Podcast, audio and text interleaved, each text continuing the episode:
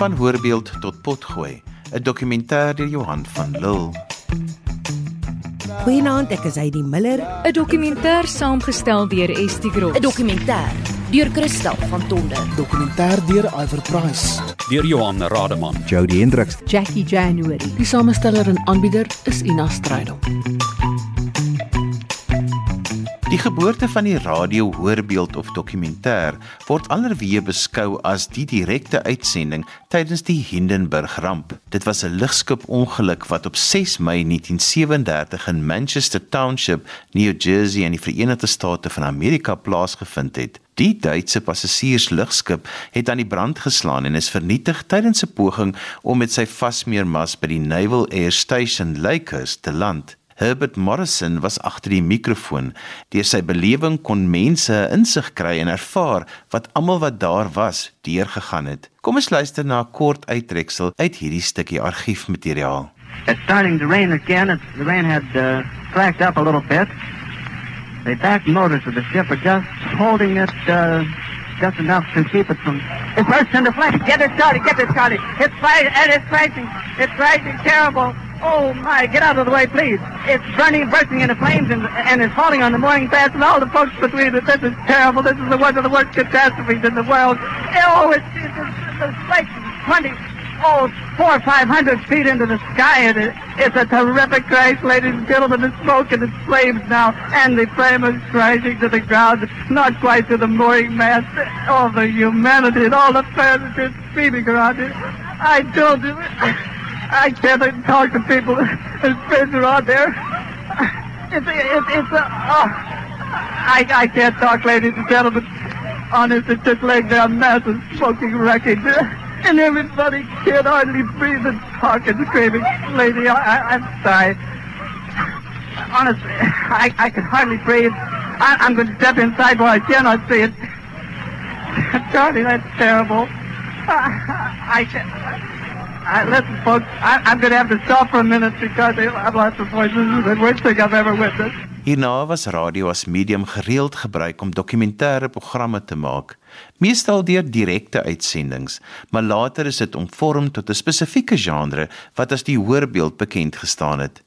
Met die koms van radio na Suid-Afrika was die hoorbeeld as genre alreeds goed gevestig en het die Afrikaanse radiodiens oor die jare nie net van die beste dokumentêre uitgesaai nie, maar ook 'n unieke aanslag ontwikkel in die hande van gesoute omroepers, joernaliste en vakspesialiste. Dit het dan ook 'n tradisie geword om 'n reeks dokumentêre programme in twee seisoene elke jaar uit te saai. Vanaand gaan ons 'n bietjie kyk na die samestelling van 'n dokumentêre program.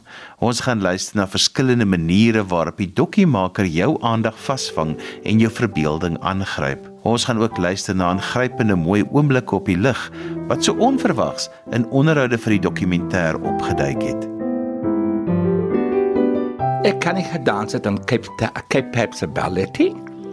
Maar dit was mos vir kleerlinge. Moet gewag het.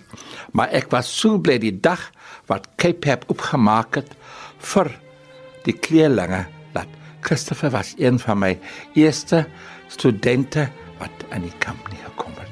Later aan toe sê vir my, look Uncle Cecil, I'm not ballet school I'm, and I'm going on to say, well, just remember on how jy moet nooit opgee nie, want dit is 'n swaar lewe met die ballet in Suid-Afrika.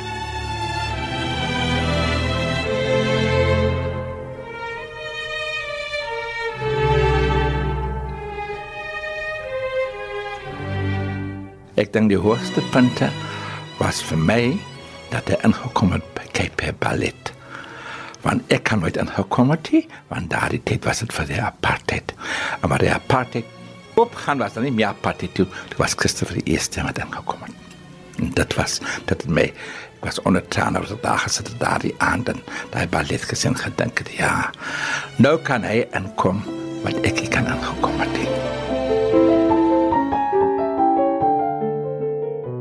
Die rou emosie wat ons sopas na geluister het, is wat jou as luisteraar vasgenaal hou voor die radio. Jy skep prentjies in jou brein en voel asof jy daar is.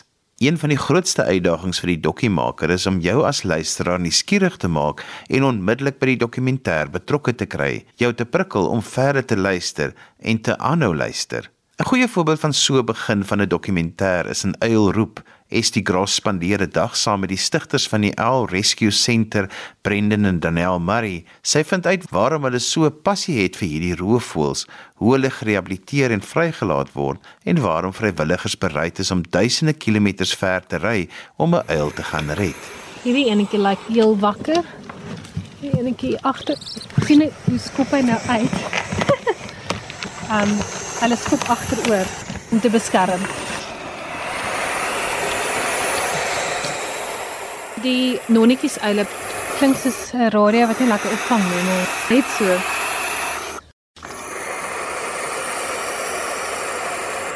Ek gaan net kos los en dan gaan ek monitor hoeveel hulle eet. As hulle al die kos self eet, dan gaan ek hulle nie probeer voer nie. As hulle nie self eet en dan gaan ek nou maar ek gaan eers probeer en kyk sal hulle self voer en kyk of ons hulle vinniger dalk kan kry om onafhanklik te word. Nee, hulle energievlakke alles is is nie reg. Danelle Murray het saam met haar man Brendan Murray die Owl Rescue Center of die Uil Reddingsentrum in Hartbeespoort in 'n reservaat 13 jaar gelede gestig. Daar's gewoonlike gevlekte oral voorgie wat net is soos 'n Doc Holiday o area waar sy bly hier, reg hier. Sy is 'n verskriklike goeie ma. Dis nou vrygelaat het sy besluit om hier te vestig. Sy toe nou 'n mannetjie gekry en hulle het 'n paartjie geword. Laas jaar het ons 'n eksperiment gedoen om te kyk sal 'n wilde uil soos wat hierdie twee nou is met hulle eie baba sal hulle aan een aanneem. En ons het toe sien 'n daai mandjie daar ja? het ons 'n babatjie gesit wat die regte ouderdom was en ag binne 'n uur het sy kos gebring. Sy het geroep vir die mannetjie en hy het gekom en hy het kos gebring. So die reservaat is enig in sy soort.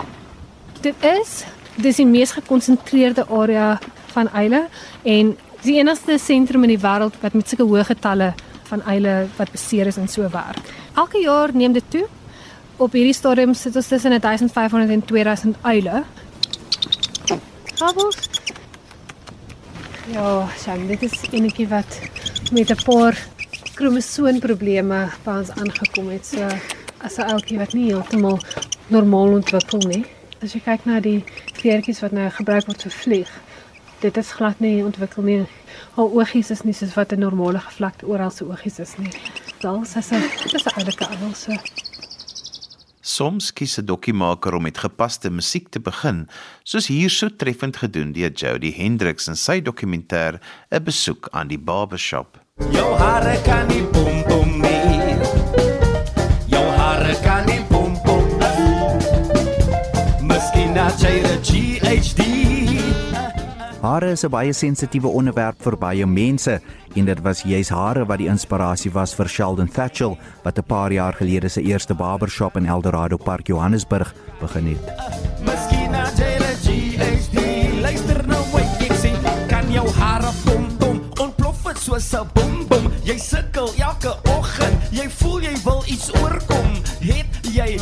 Wat raas, tuis soos draad, onbeskof kom ek gee jou raad want Ja, so ek het my weggelos in 2014. Dit was 'n bolste wat gemaak het. Want niemand het my geglo dat ons kan dit eintlik mondelik maak nie. Ek kan gewoon door dit soos die tyd wat ek uitgeloop het die werk by Standard Bank en die bestuurder het dit ek my basically uitgelag van net gedink om te sê ek maak 'n grap met hom.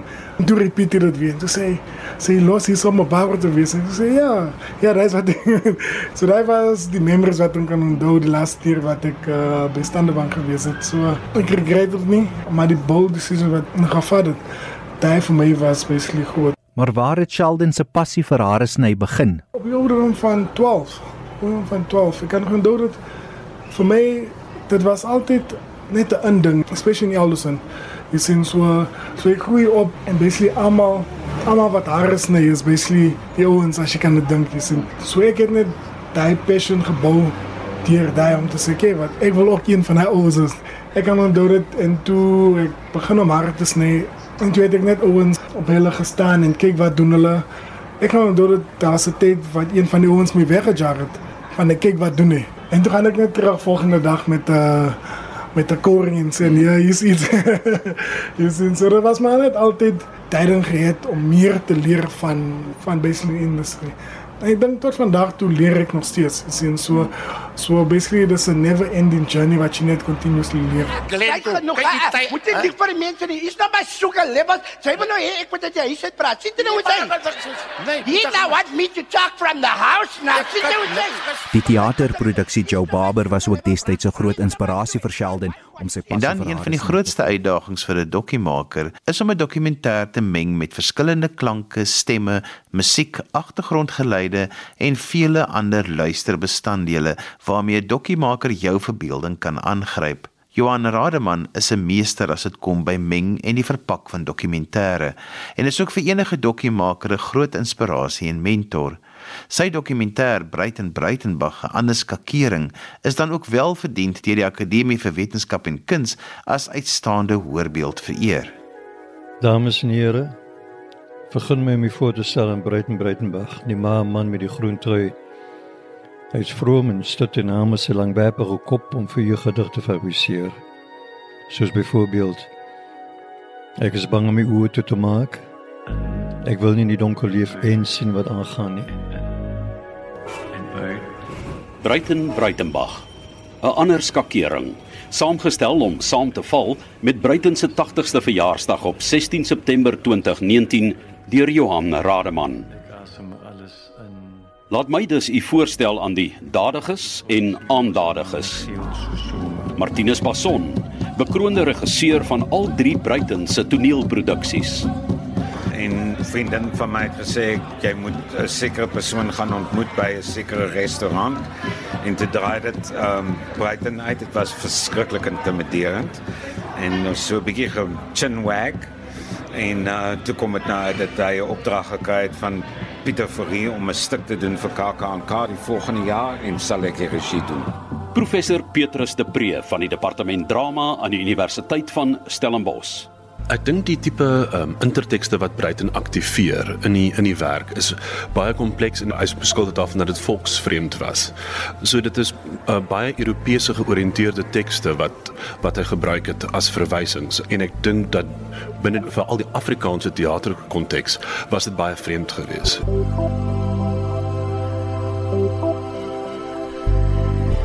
Alleen deur jou moet ek myself verwerp. Deur jou alleen het ek besef hoe haweloos ek is in 'n brandende see. Albert Du Plessis, vriend, vervaardiger, koördineerder en projekleier van Breitenbach se musiekprojekte. van die om te Breiten projek kan ek sê die werk wat die mense mee voor 'n dag gekom het. Elke een van hierdie kunstenaars kan 'n mens nou met reg beskou as van hulle beste werk. En die punt daarvan is dat Breiten is hierdie vroutjie, hierdie energie wat dit alles ontketen het. En dit het toe nou 'n patroon geword dat elke keer as hy terugkom Suid-Afrika toe dan besluit ons ons neem nou dit op of dat op en dan word dit 'n projek en as jy weer sien ons al 40 mense wat werk rondom Breiten se kreatiwiteit. Die voorkoms van die Boeddha is soos die klare volmaan wanneer die volmaan as ek sê 1000 sonne se spirale spoel van elektrisiteit en magnetika. Joost Borslap van die Stevenson Galery in Kaapstad, Johannesburg en Prinsengracht Amsterdam. Ek dink ook toe ek Bruiten uh, vertel het oor my my relasie met Bruiten aan my ouers, aan my ooms, het uh, hulle almal van hom geken en herinnerings gehad van toesprake wat hy gegee het, boeke wat hy gepubliseer het in Holland.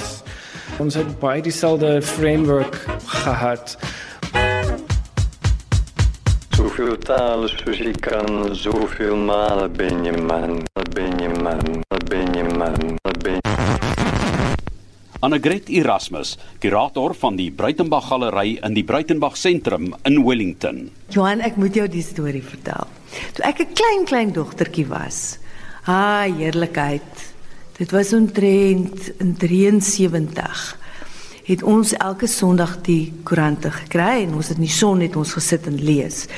En o, ek kon nou nie lees nie, maar ek het prentjies gekyk. Toe bly ek studeer die koerant en daar sit die 60ers, Breiten en Andrei, Joland, Ingrid, Marjorie, Jan en onrus, almal so 'n klompie van hulle. En ek dink Appie was ook daar onder 'n groot ou boom en nou is 'n foto van hulle.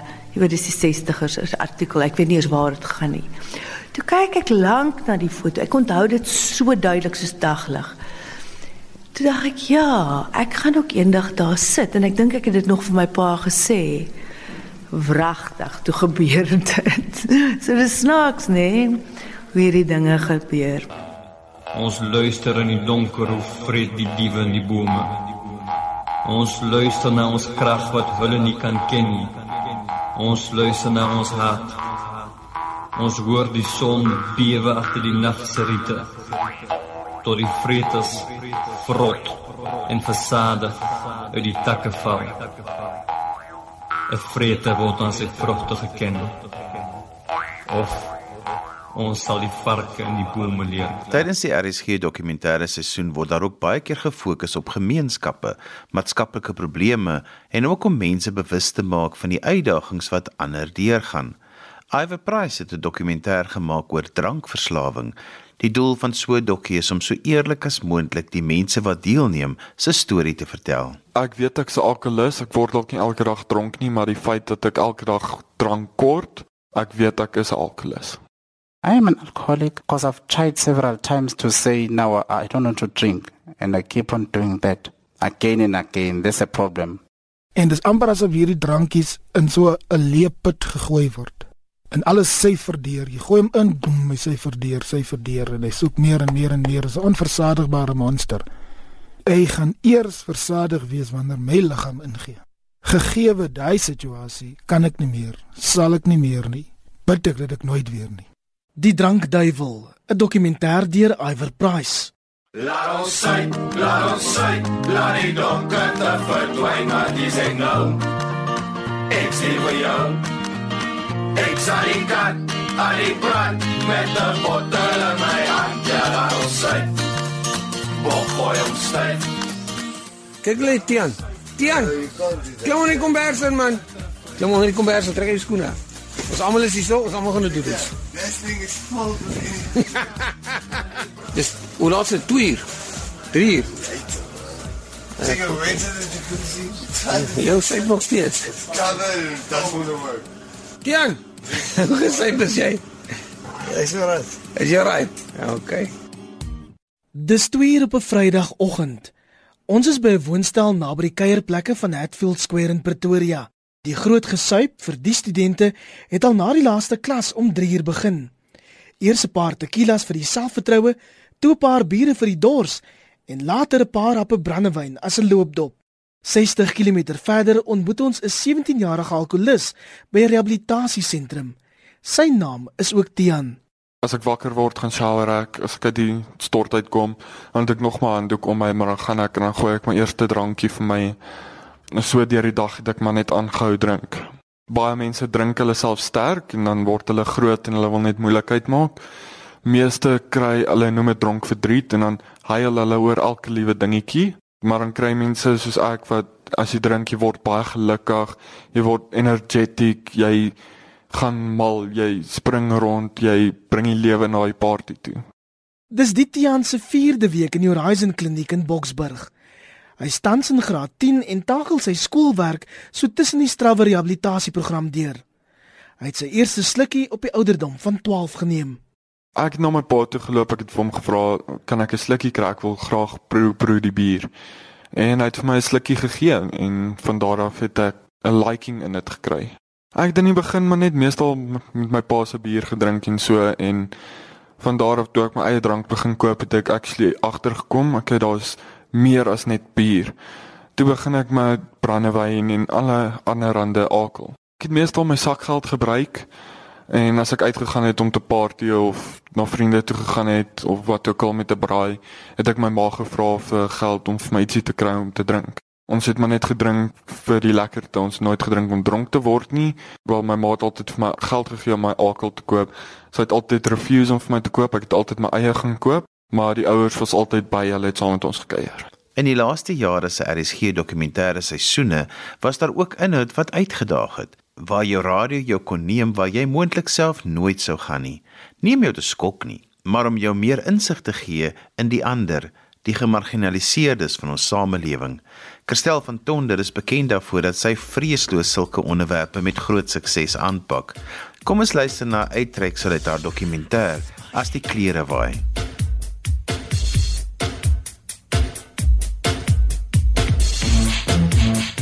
Die persone het gesê hulle maak 'n uh, klap oop. Ek het geen idee gehad nie. Ek was in die kombuis, uh, ek het kos gedoen ensovoorts en wat gebeur het is die dag toe die klap oop maak, dis 'n heraldklap, dis 'n stripklap. En toe raak ek 'n bestuurder van 'n stripklap in plaas van 'n restaurant.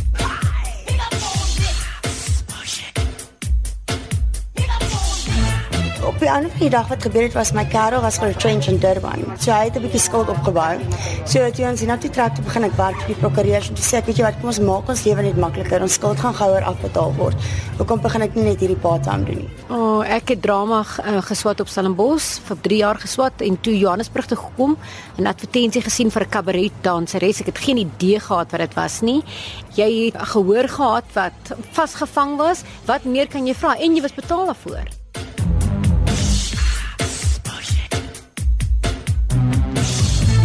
Die mens is van nature nuuskierig.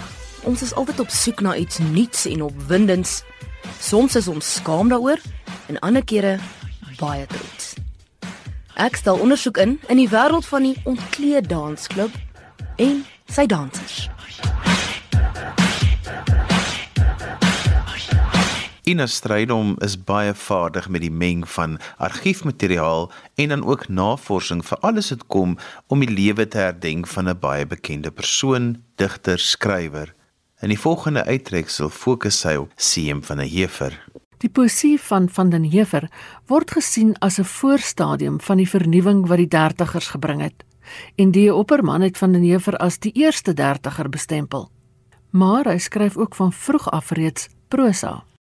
'n Mens kan sê dat ons destyds in 'n soort oorgangstyd gelewe het. Die groot volksdigters soos Cilier, Leipold en Tosius het van hulle belangrikste werk gelewer en die kragtige nasionale lewe wat aan die begin van die eeu ontketen is, het deur die jong opkomende taal tot uiting gekom. Ek het vaagweg besef dat ons poësie na groter verfyning en verdieping moet neig maar ek self was magteloos om so iets te bewerkstellig. Wel het ek dit bewonder en die fyn geboude vers, die volmaakte vorm, het vir my 'n groot bekoring gehad. Nadat ek die universiteit verlaat het, was ek werksaam as joernalis. Daar moes ek allerhande verslae oor uiteenlopende onderwerpe opstel. Ook moes ek vertaalwerk doen. Dit is die beste breiwerk wat ek as skrywer kon kry. Maar die gewone stereotype koeranttaal het my nie tevrede gestel nie. Ek het wel vaardigheid gekry en geleer hoe om uit te druk. Maar in my siel het ek verlang na die oorspronklike lewende taal, na die fris beeld soos ek dit so dikwels op die plaas gehoor het, na die natuur en die natuurmens wat vir my so na aan daardie soort taal gestaan het. En so het dit gekom dat ek tussen die stereotype koerantberigte my toevlug geneem het na stukkies prosa oor die plaaslewe. In van den Heever se prosa oeuvre word van die beste voorbeelde van die plaasroman aangetref. Sy eerste novelle heet Op die plaas en het in 1927 verskyn. Daarna het verskeie romans gevolg waarvan Somer wat in 1935 verskyn het, een En dan 'n aangrypende oomblik. Die balletdanser Eduard Gryiling het geen bekendstelling nodig nie. In 'n dokumentêr oor sy lewe word 'n bittermooi oomblik in radio vasgevang wanneer hy sy eertydse dansmaat Phyllis Spira beskryf as inleiding tot 'n dokumentêr oor sy lewe. Die verhoog is pikdonker. 'n Lig begin skyn vanuit die regter sykant van die verhoog en val op twee figure Albei staan vooroor gebuk met gebuigde knieë en arms agter om die duie gevou. Net 'n paar meter skei die twee byna naakte figure van mekaar. Na 'n paar sekondes lig albei hulle koppe langsam en die oomblik wat hulle na mekaar kyk verdoof die lig skielik. Binne 2 sekondes kom dit weer langsam aan. En intussen het die figure blitsvinnig en sonder 'n geluid geskuif tot in die middel van die verhoog.